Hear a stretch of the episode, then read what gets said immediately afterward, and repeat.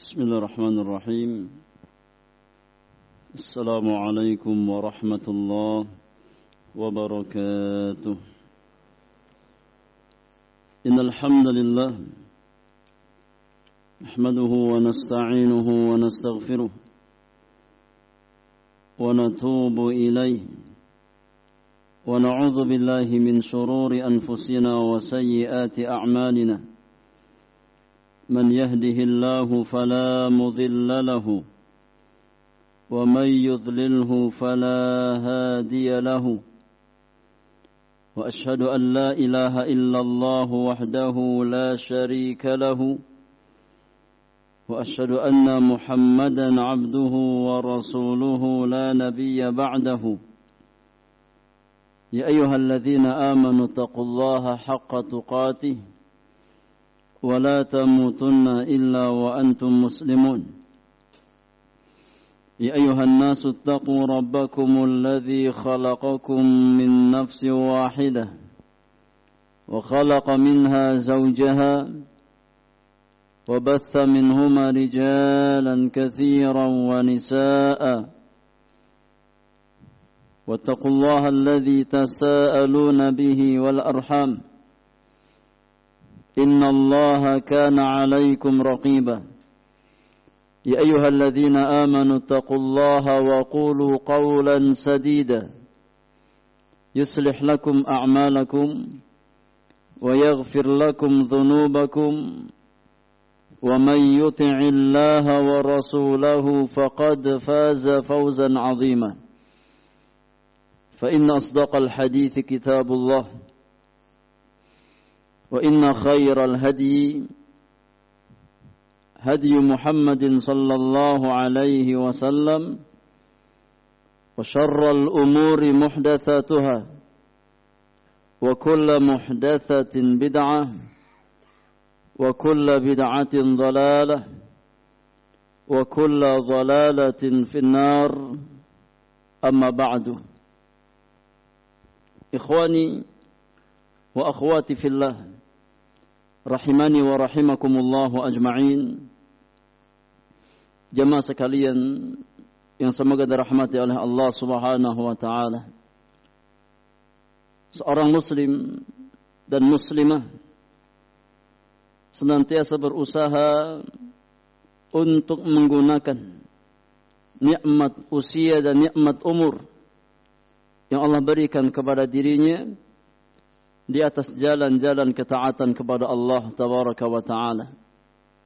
Maka kita berusaha untuk terus berjalan berpindah dari satu amal kebaikan kepada amal kebaikan berikutnya. Kita berusaha untuk mengistiqamahkan jiwa-jiwa kita di atas jalan ubudiyah kepada Allah Subhanahu wa taala. Yang dengan itulah maka seorang hamba akan mampu mendapatkan al-hayatul haqiqiyah kehidupan yang sesungguhnya.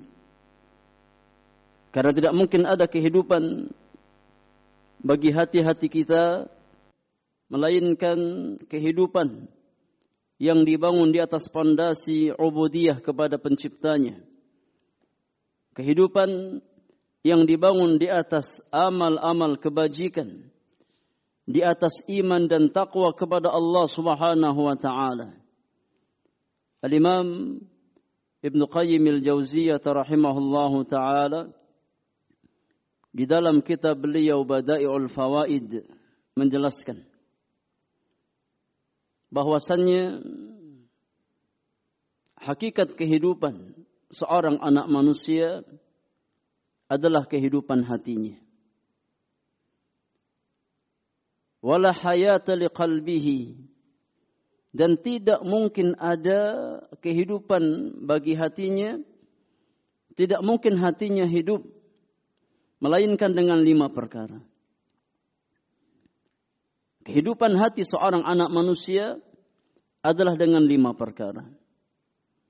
Yang pertama kata beliau, wala hayata liqalbihi illa bima'rifati fatirihi dengan kita berusaha berilmu tentang pencipta kita.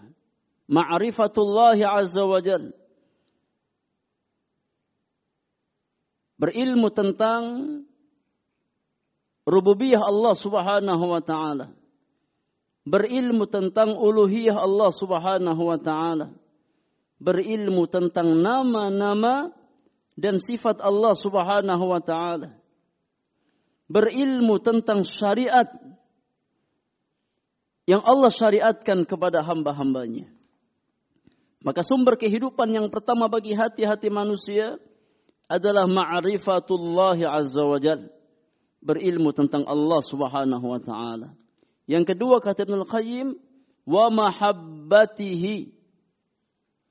Dan hati yang penuh dengan mahabbah kepada Allah subhanahu wa ta'ala. Di antara sumber Kehidupan hati seorang manusia adalah hati yang dipenuhi dengan rasa cinta kepada Allah Subhanahu wa taala. Maka semakin hati kita cinta kepada pencipta kita, semakin hati kita cinta kepada Allah Subhanahu wa taala, maka kita akan mendapatkan kehidupan yang sesungguhnya. Yang ketiga, di antara sumber kehidupan hati seorang anak manusia kata Ibnu Qayyim wa ibadatihi. Dengan senantiasa berusaha beribadah. Menjalankan kewajiban ubudiyah kepada pencipta kita. Menjalankan kewajiban untuk senantiasa menghambakan diri kita kepada Allah subhanahu wa ta'ala. Dengan ibadah yang Allah syariatkan melalui lisan nabinya sallallahu alaihi wasallam. Karena tidak ada ibadah melainkan ibadah yang datang dari jalur Nabi kita Muhammad sallallahu alaihi wasallam yang dijelaskan yang disampaikan oleh Nabi kita Muhammad sallallahu alaihi wasallam. Karena di antara konsekuensi syahadat anna Muhammadan Rasulullah wa alla yu'badallahu illa bima syara'a. Di antara konsekuensi seorang muslim yang dia mengikrarkan bahwasannya Muhammad adalah utusan Allah. Orang yang mengimani dan meyakini bahwasannya Muhammad adalah Rasul yang diutus oleh Allah Subhanahu wa taala, maka kewajiban dia adalah beribadah kepada Allah dengan syariat yang datang dari jalan Nabi kita Muhammad sallallahu alaihi wasallam. Kita beribadah bukan dengan hawa nafsu kita. Ya, bukan dengan apa-apa yang kita ada-adakan di dalam agama Allah Subhanahu wa taala. Tapi kita beribadah kepada Allah dengan syariat yang Allah turunkan kepada nabinya alaihi salatu wassalam. Kemudian yang keempat, di antara sumber kehidupan hati seorang anak manusia kata Ibnu Qayyim rahimahullahu taala adalah al-inabatu ilaihi. Senantiasa bertaubat senantiasa kembali kepada Allah Subhanahu wa taala. Karena semaksimal apa pun seorang hamba di dalam menjalankan kewajiban beribadah kepada Allah Subhanahu wa taala pasti ada alpanya. Pasti ada kekurangannya. Pasti ada salahnya. Tidak mungkin kita ya selamat dari kealpaan sebagai seorang anak Adam. Karena kita semua masuk dalam hadis Rasulullah sallallahu alaihi wasallam, "Kullu bani Adam khata'un wa khairul khata'ina at-tawwabun." Ya, maka di antara sumber kehidupan hati adalah hati yang senantiasa munibun ilallah. Senantiasa kembali kepada Allah Subhanahu wa taala. Hakikat orang yang bertakwa bukanlah orang yang tidak pernah berbuat dosa dan maksiat kepada Allah. Hakikat orang yang bertakwa bukanlah orang yang sama sekali tidak pernah berbuat dosa kepada Allah Subhanahu wa taala.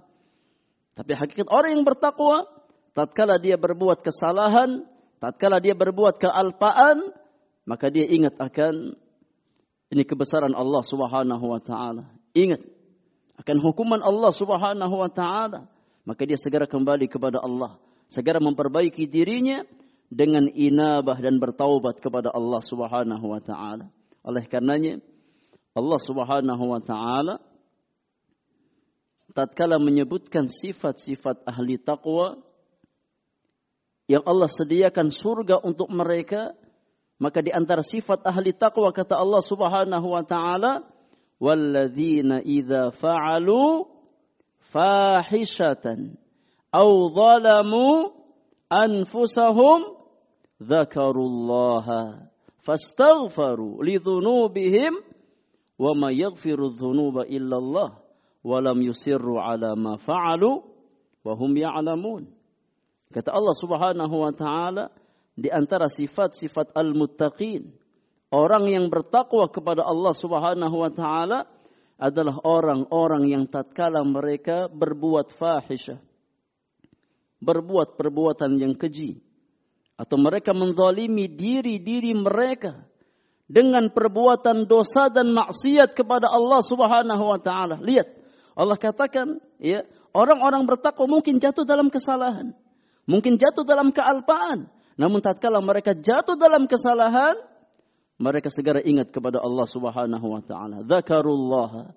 Mereka teringat akan kebesaran Allah. Mereka ingat akan ampunan Allah Subhanahu wa taala. Fastaghfaru lidzunubihim. Maka mereka segera memohon ampun kepada Allah atas dosa-dosa yang mereka lakukan. Dan siapa yang mampu mengampuni dosa-dosa kita kalau bukan Allah Subhanahu wa taala? Dan ini di antara hikmah. Tatkala Nabi kita Muhammad sallallahu alaihi wasallam berpesan kepada kita semua, "Ya ayuhan nasu tubu ila Allah fa inni atubu ila Allah fil yaumi mi'ata marrah." Kata Nabi yang mulia alaihi salatu wassalam, wahai manusia, wahai orang-orang beriman, bertaubatlah kalian kepada Allah Subhanahu wa taala. Sesungguhnya aku bertaubat kepada Allah dalam sehari semalam sebanyak seratus kali. Ya. Kalau seandainya Nabi yang mulia, ya, sosok yang maksum, yang dijaga oleh Allah Subhanahu wa taala dari kesalahan, senantiasa bertaubat dan kembali kepada Allah Subhanahu wa taala, maka kita lebih layak untuk memperbanyak taubat dan kembali kepada Allah Subhanahu wa taala. Karena bertaubat adalah sumber kehidupan hati bagi orang-orang beriman. Allah Subhanahu wa taala berfirman, "Wa tubu ila Allah jami'an ayyuhal mu'minuna la'allakum tuflihun." Bertaubat adalah sumber keberuntungan bagi seorang seorang mukmin. Yang kelima, kata Ibnu Qayyim di antara sumber kehidupan hati bagi orang-orang beriman adalah at-tuma'ninatu bi dzikrihi wal unsu bi qurbihi subhanahu wa ta'ala. Ya, senantiasa berzikir kepada Allah Subhanahu wa taala. Hati-hati yang tenang. Hati-hati yang penuh dengan tumaknina. Tatkala mengingat Allah Subhanahu wa taala. Hati yang tentram. Tatkala dekat dengan Allah Subhanahu wa taala tatkala bertakarrub kepada Allah Subhanahu wa taala karena sumber ketenangan hidup-hidup kita adalah dengan senantiasa mengingat pencipta kita. Allah Subhanahu wa taala berfirman, "Alladzina amanu wa tatma'innu qulubuhum bi ala bi tatma'innul qulub." Orang-orang beriman dan jiwa mereka tentram dengan mengingat Allah Subhanahu wa taala maka ketahuilah hanya dengan zikrullah azza hanya dengan mengingat Allah Subhanahu wa taala maka hati-hati kita akan menjadi tenang ya maka perbaiki ya kegalauan hidup kita perbaiki kesempitan hidup kita dengan memperbaiki muamalah kita bersama pencipta kita ta'arraf ila Allah fil raha ya'rifka fi syiddah. Kenali Allah di masa-masa lapang kita. Niscaya Allah Subhanahu wa taala akan mengenali kita tatkala kita mengalami kesulitan. Ini lima perkara yang menjadi sumber kehidupan hati orang-orang yang beriman sebagaimana dinukilkan oleh Al-Imam Ibn Al-Qayyim rahimahullahu taala di dalam kitabnya Bada'i'ul Fawaid. Jamaah yang Allah muliakan, kita masuk ke pembahasan rutin kita di dalam membahas kitab Riyadhus Salihin من كلام سيد المرسلين. بوه كريا الإمام محي الدين أبو زكريا يحيى بن شرف النووي الشافعي الدمشقي رحمة الله تعالى عليه وعلى والديه ومشائخه والمسلمين أجمعين رحمة واسعة. Kita masih membahas bab yang ke-24. Bab kerasnya hukuman orang yang memerintahkan kepada yang ma'ruf atau melarang dari yang munkar. Namun ucapannya menyelisihi amalannya.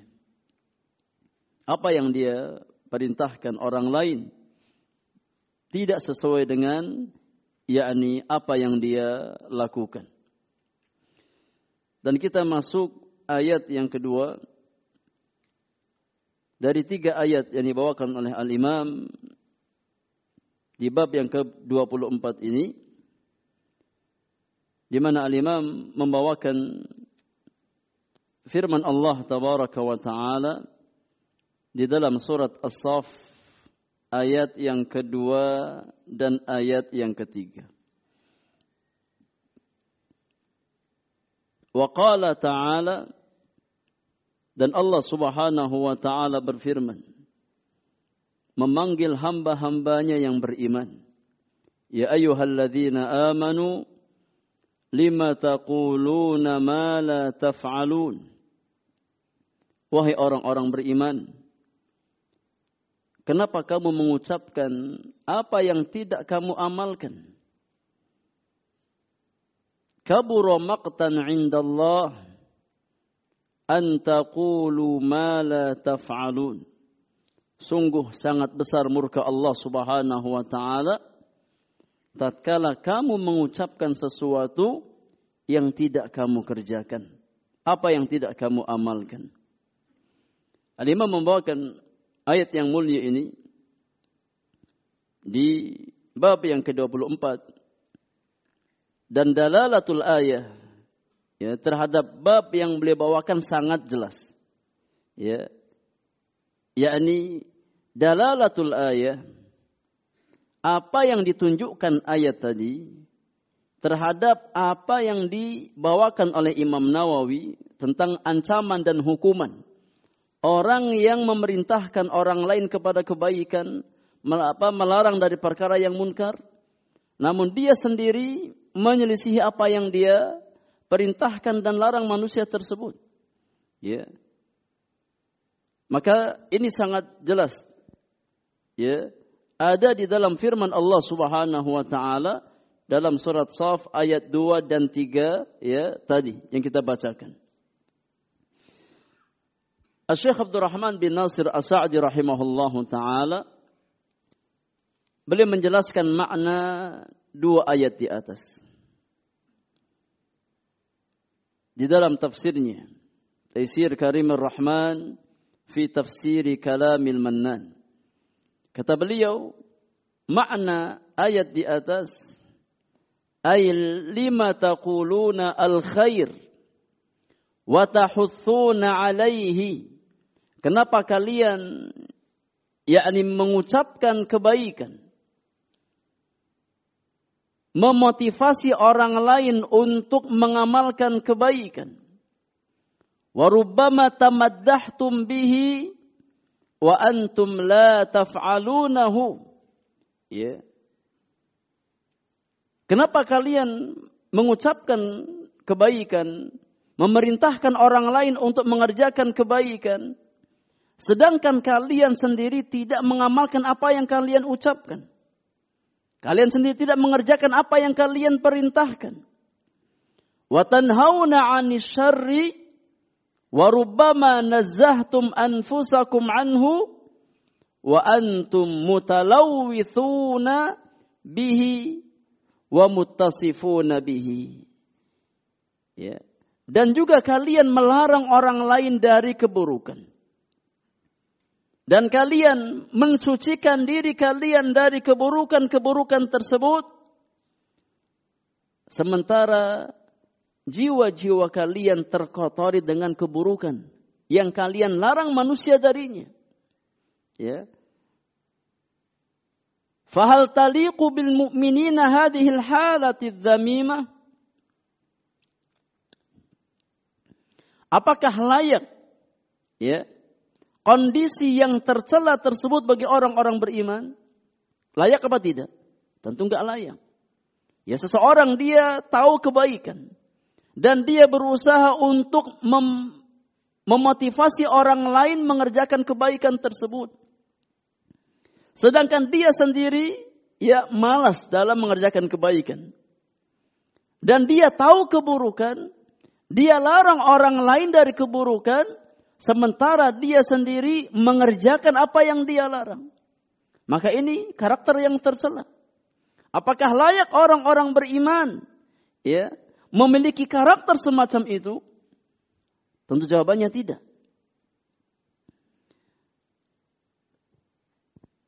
Am min akbaril maqti indallah an yaqula al-'abdu ma la yaf'al. Ya. Atau justru di antara murka Allah yang paling besar adalah tatkala seorang hamba mengucapkan sesuatu yang tidak dia amalkan, yang tidak dia kerjakan.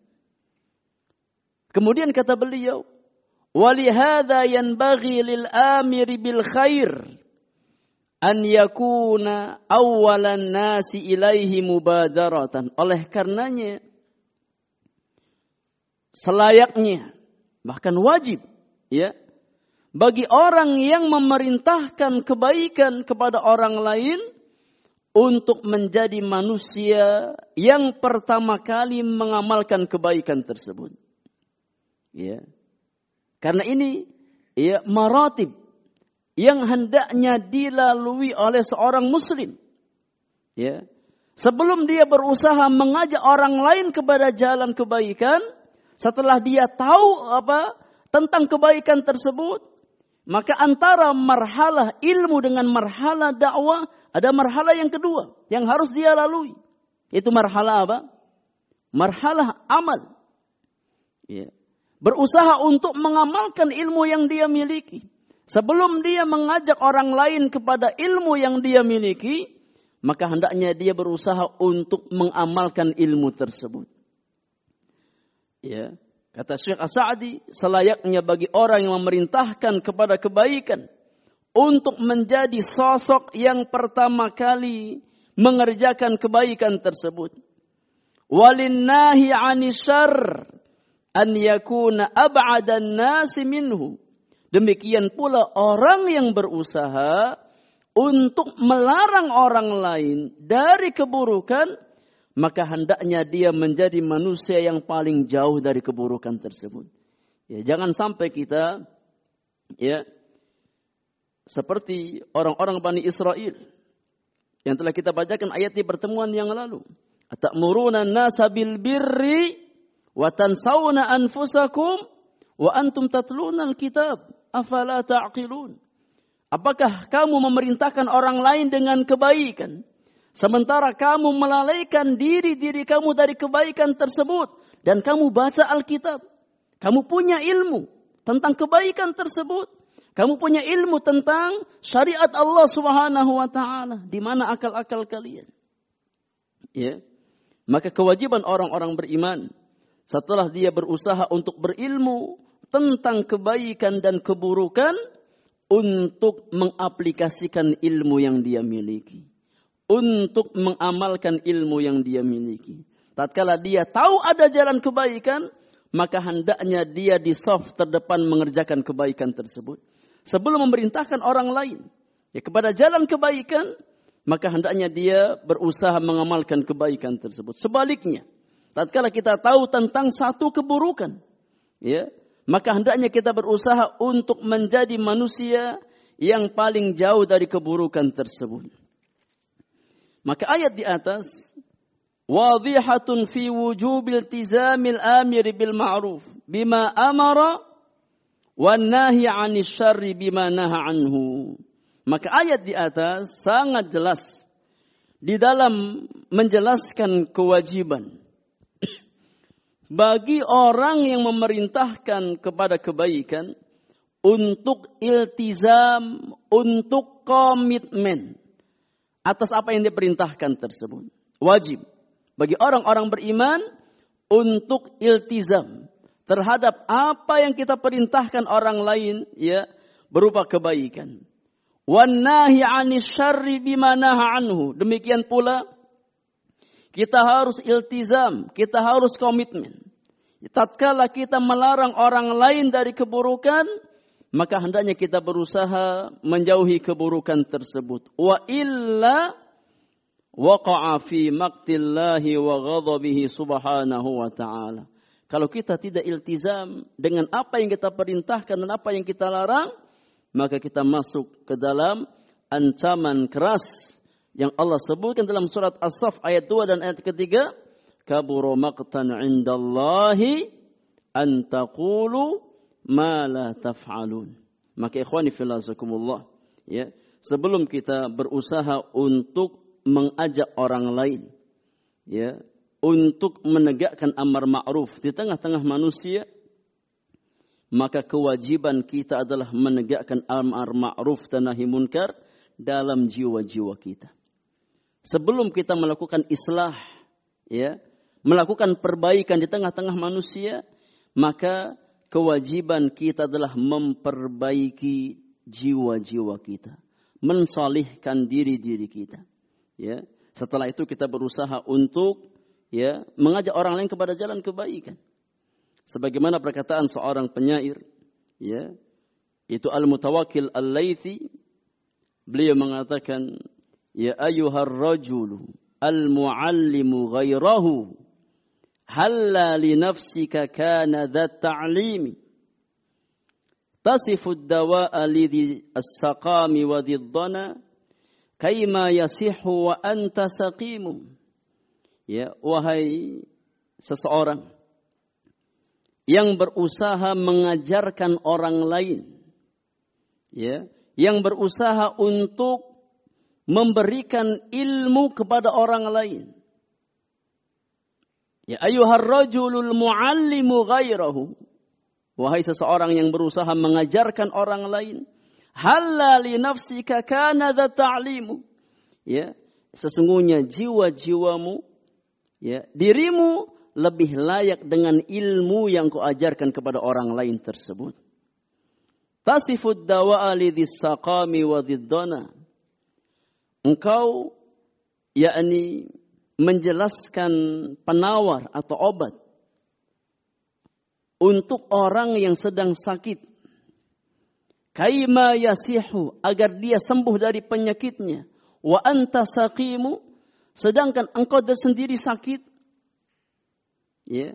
Engkau berusaha untuk menyembuhkan orang lain dengan memerintahkan mereka kepada kebaikan melarang mereka dari yang munkar Sedangkan engkau sendiri sakit. Ya, engkau sendiri jauh dari kebaikan dan engkau sangat dekat dengan kemunkaran. Fabda binafsika wanhaha an ghayyiha. Fa'idha tahat anhu fa'anta hakimu. Maka mulailah dengan jiwamu sendiri.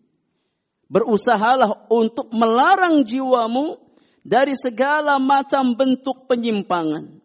Faidan tahat anhu fa anta hakimu.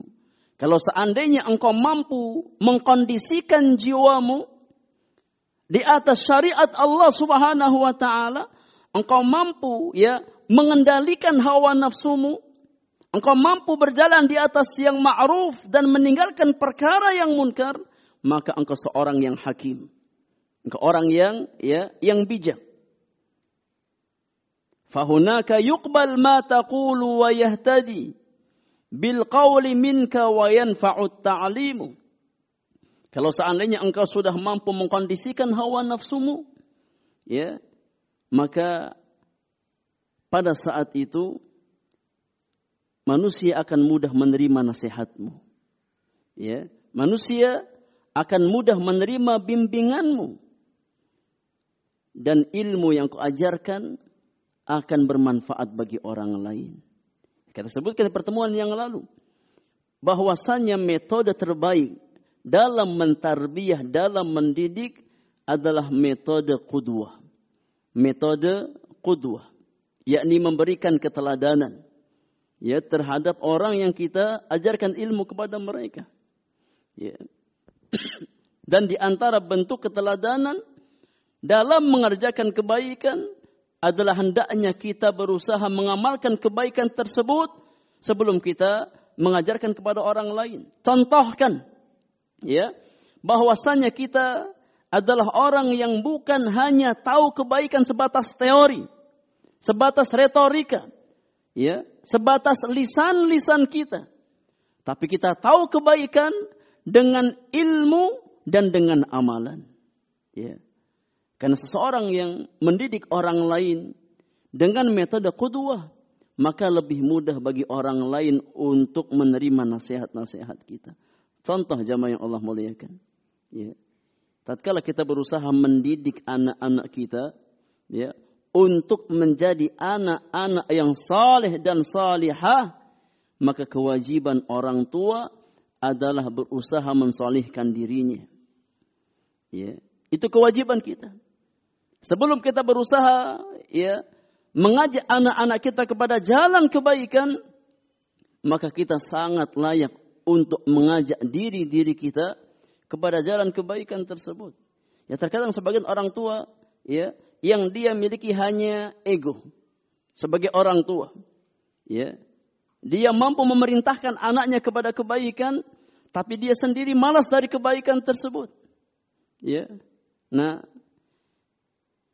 yakni baca Al-Qur'an, ya baca Al-Quran, nak belajar, ya, untuk besok ke sekolah, ya. Sementara orang tuanya sama sekali nggak mencontohkan bagaimana membaca Al-Quran, bagaimana belajar, ya. Dia hanya pandai memerintahkan anak-anaknya dalam kebaikan, tapi tidak pernah memberikan contoh bagaimana dia mengamalkan kebaikan. Ya. Maka terkadang sang anak ya dia mengerjakan kebaikan karena keterpaksaan, bukan karena keteladanan. Ya. Karena dia mungkin takut dengan apa? orang tuanya, tapi bukan karena faktor keteladanan. Tapi tarbiyah yang terbaik, pendidikan yang terbaik adalah pendidikan yang dibangun di atas asas kudwah dan itu ya yang dicontohkan oleh Allah dan Rasulnya Sallallahu Alaihi Wasallam. Ya, tatkala kita memperhatikan nas-nas Al-Quran dan sunnah Rasulullah sallallahu alaihi wasallam, maka pendidikan yang diajarkan oleh Allah dan Rasulnya sallallahu alaihi wasallam adalah pendidikan yang bersifat apa? Bersifat kudwah keteladanan. Makanya Allah Subhanahu wa taala memuji Rasulullah sallallahu alaihi wasallam dengan sifat tersebut. Kata Allah Subhanahu wa taala, "Laqad kana lakum fi Rasulillahi uswatun hasanah." Liman kana yarjullaha wal yawmal akhir wa dzakarallaha katsira. Dan sungguh kata Allah Subhanahu wa taala, di dalam diri Rasulullah sallallahu alaihi wasallam terdapat keteladanan yang baik. Terdapat contoh yang terbaik bagi orang-orang yang beriman. Ya. Yang dia mengharapkan perjumpaan dengan Allah Subhanahu wa taala dan hari akhir. Maka Nabi Shallallahu alaihi wasallam tidaklah memerintahkan sesuatu melainkan Nabi Shallallahu alaihi wasallam berusaha mencontohkan kepada umatnya. Ya karena itulah yakni metode, tariqah, tarbiyah yang terbaik. Ya, di dalam kita mengajarkan orang lain. Kita memerintahkan anak-anak kita berbuat kebaikan karena ya udah adan berangkat ke masjid. Ya. Cari soft yang pertama. Ya. Anaknya berangkat ke masjid, bapaknya masih sibuk main HP. Ya. Anaknya di soft pertama, bapaknya masbuk. Ya. Maka Ya. Hal semacam ini perkara yang kurang baik. Ya, perkara yang kurang yang kurang baik. Hendaknya kita mencontohkan anak kita. Tatkala kita mendengar azan, nah sudah azan. Ayo kita berangkat. Berangkatnya bareng jamaah. Jangan sampai kita nyuruh anak kita berangkat, ya tatkala azan, sementara kita sendiri, ya tatkala salat berjamaah masbuk dan istiqomah masbuknya masya Allah. Ini kan muskilah. Kalau seseorang istiqomah di sofa yang pertama, fahadha mahmud, maka ini terpuji. Tapi kalau seseorang dia istiqomah masbuk, ya senantiasa ketinggalan takbiratul ihram, ya, maka ini perkara yang hendaknya menjadi ya yakni muhasabah bagi seorang mukmin. Ya. Apakah layak bagi seorang ayah memerintahkan anaknya kepada jalan kebaikan sementara dia sendiri meninggalkan kebaikan tersebut? Ya. Hendaknya kita berangkat bersama anak kita. Ayo kita jalan ke masjid. Contohkan, ya, cari sof yang terdepan. Inilah sof yang terbaik bagi bagi seorang mukmin di dalam salatnya. Ya. Maka metode pendidikan yang terbaik adalah metode qudwah hasanah, uswah hasanah, keteladanan. Ya, tatkala kita memerintahkan anak-anak kita na ya baca Quran, ya, agar rumah kita enggak seperti kuburan. Ya, baca Al-Quran agar rumah kita penuh dengan keberkahan. Ya, maka jangan sebatas kita pandai memerintahkan anak-anak kita baca Quran, tapi kerjaan orang tuanya baca Facebook. Ya, baca ya macam-macam. Ya, baca berita dan yang lainnya. Hendaknya kita contohkan kepada anak-anak kita. Ya, bahwasanya tatkala kita berusaha mengarahkan mereka kepada jalan kebaikan, maka kita tidak melalaikan diri-diri kita dari kebaikan tersebut. Ya, jangan sampai kita menjadi seperti lilin yang menyinari ya yakni sekitarnya sementara diri kita habis, ya terbakar. Hendaknya kita menjadi pribadi yang bermanfaat untuk diri-diri kita dan bermanfaat untuk untuk orang lain. Nah, wallahu taala alam bisawab. Tapi cukup jemaah yang Allah muliakan untuk malam hari ini. Ya semoga apa yang kita pelajari bermanfaat untuk kita semuanya. Apa-apa yang hak semata-mata taufik dari Allah yang salah dan kurang karena kesalahan dan kekurangan ilmu yang saya miliki. Wa sallallahu ala nabiyyina Muhammadin wa alihi wa sahbihi ajma'in. Wa akhiru da'wana rabbil alamin. Subhanakallahumma wa bihamdika. Asyhadu an la ilaha illa anta. Astaghfiruka wa atubu ilaik. Assalamu alaikum warahmatullahi wabarakatuh